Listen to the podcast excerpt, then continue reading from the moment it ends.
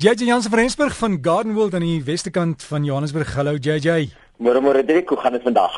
Ah, dit gaan met my voor die wind. Dis somer, die somerblommetjies die blom en uh, ons kry nou nog lekker reën en koringkrieke. ja nee, nou dat jy praat van die somerblommetjies wat so mooi blom. Hierdie jaar is die Afrikanertjies weer ongelooflik mooi. Jy weet, elke ander jaar sien jy hulle is nie so mooi nie. Die die die die weeromstandighede is net nie reg vir hulle nie, maar hierdie jaar lyk like hulle spesifiek baie baie mooi. So vir die van julle wat nog nie klere in die tuin het nie, gaan kyk netjie vir Afrikanertjies. Dis nie 'n gewone ou stink Afrikaners soos die mense dit noem of marigolds, is die Engelse naam. Baie baie mooi plant om nou in die tuin te sit. Ek hoor net jy praat so van die slakke wat eintlik teen die mure opklim vir die reën en net daarna praat jy van die koringkrieke. Ek dink hulle kruip weg vir die reën nie. Hulle ek dink hulle kruip weg vir daai koringkrieke van jou. ek ek dink hulle doen maar mense sê baie keer as as 'n slak uh, hoog opklim dan weet jy daar gaan baie reën kom. Ja nee, dis ouens wat nou die slakke baie bestudeer. Ek het dit nog nooit gesien of gehoor nie. maar 'n interessante een is daai ene Dirk. Wat nou natuurlik pragtig in die tuin en blom is, is ons ongelooflike mooi daglilies en dis nou die regte tyd om vir jou die regte kleur daglilie te gaan soek as jy nog nie daglilies het nie. Jy wil graag 'n spesiale kleur kry, gaan kyk bietjie by die kwekery. Hulle sal nou vol in blom wees. Maar onthou 'n daglilie word 'n daglilie genoem omdat die blom self vir 'n dag hou. Nou onthou hy het 'n hele rits blomme en elkeen maak een keer 'n dag maak daar 'n nuwe blom oop. So dit is nie asof jy net vir een dag in die jaar 'n kleur gaan kry nie of 'n blom gaan kry nie. Elke dag vir omtrent so 2, 3, 4 weke lank gaan jy kleur kry want hy maak elke dag vir jou 'n nuwe lelie oop. Die Incas is ook vol in blom op die oomblik, Alstroemeria natuurlik sy botaniese naam.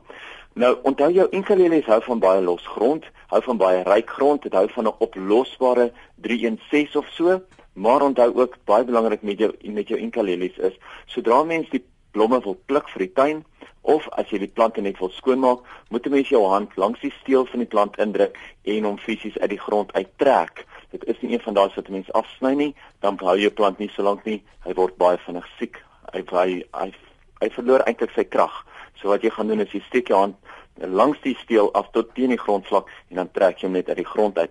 Wat nou nog gaan blom, veral nou oor Desember, gaan natuurlik ons pragtige vuurpyle wees en jy moet hulle nou ietsie soos 'n 315 voer. Dit kan jy sommer 'n korrelkunsmis om die plant gooi Hy gaan hom om absorbeer en hy gaan dan vir jou lekker mooi blomme gee gedurende Desember. Trots van Indië, die Pride of India gaan ook nou baie mooi begin blom. So dis nou wat jy hom baie meer gereeld moet nat maak as jy nie baie reën kry nie, sodat hy baie meer blomme kan vorm en weer jou 315 sal daar ook werk. Maar mens moet maar kyk vir jou fungusse op hulle. En dit is baie goed om hierso 'n sistemiese fungusdoder te gebruik, iets soos jou soos jou Kronos of jou Funginix sal baie goed werk. Ek weet Protek het 'n nuwe een uit genaamd Tenazol. Mens kan hom ook gebruik. Dit is ook 'n sistemiese fungusdoder veral teen die poeieragtige meeldou. Daai wit poeier wat mens altyd kry wat op die blare lê, sal dit baie goed voorwerk. Kronos, Funginix of Tenazol. Vrugtebome is natuurlik nou vol in vrug. Meeste vrugtebome dra nou baie vrugte en dis nou die tyd wat jy moet seker maak dat jy vrugtevlee weghou. Nou as jou vrugte al so ontwikkel is dat jy nie meer jou vrugte kan spuit nie, is dit dan maar beter om eerder nou 'n lokaasmiddel neer te sit. Onthou ek het al gepraat van die 2 liter bottels wat mens kan gebruik, gate inmaak en dan in die bottel self kan 'n mens 'n bietjie van 'n uh, insekdoder soos byvoorbeeld jou noxoom gooi met 'n klein bietjie asyn, appelasyn en dan ook net 'n klein bietjie water sodat jy hom kan groter maak, sodat jy hom kan meer maak. Onthou, dit is wat mense gebruik as mens 'n lokaasmiddel wil maak.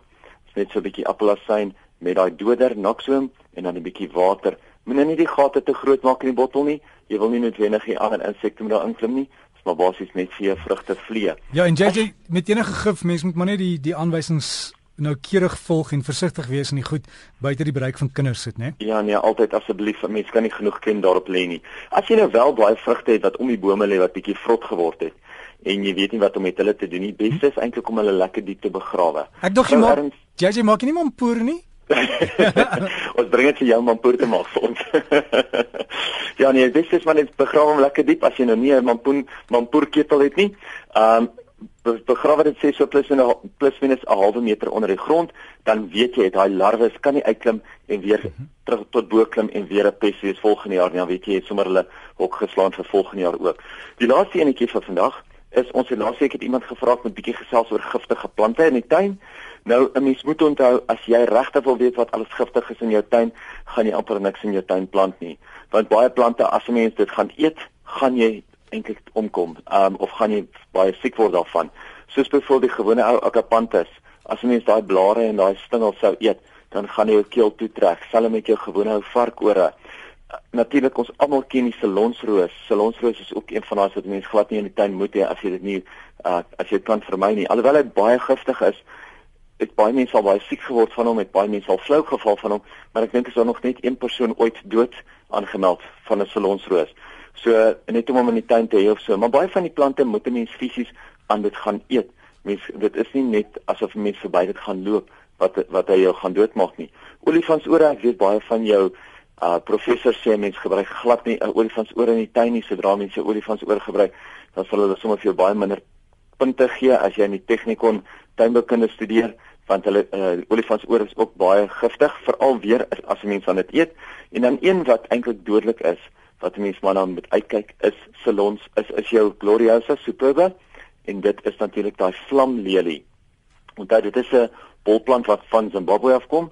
Dit is heeltemal dodelik. So as 'n mens kan en jy het enigstens kinders in die huis of so wat nie weet wat dit is nie, probeer maar eerder om hulle heeltemal van daar weg te hou of plant hom glad nie totdat die kinders oud genoeg is en jy hulle kan verduidelik dat hierdie eintlik 'n baie giftige plant is. En as jy vermoed enigiemand het iets geëet, onthou bel dadelik 'n dokter. Daar's ook 'n uh, van die sentrums wat wat nommers het wat vir jou sê um, as jy gifing gekry het wat om te doen en wie om te kontak. Dis korrek ja. Hier is maar net 'n paar van die giftige plante. Daar's soos eintlik 'n hele lys van omtrent 30 of 40 van hulle. Ek sal kyk of ek daai lys sommer vir ons bietjie op Facebook kan sit. So gesels ons dan met JJ Jansen van Rensburg en as jy hulle soek op Facebook, gaan kyk by Garden World Nursery. Soek net daar, jy sal kry en hou van die groep en dan kan jy deel raak van al die inligting. Anders kan jy vir JJ e-pos is JJ by gardenworld.co.za. Jy jy by gardenworld.co.za.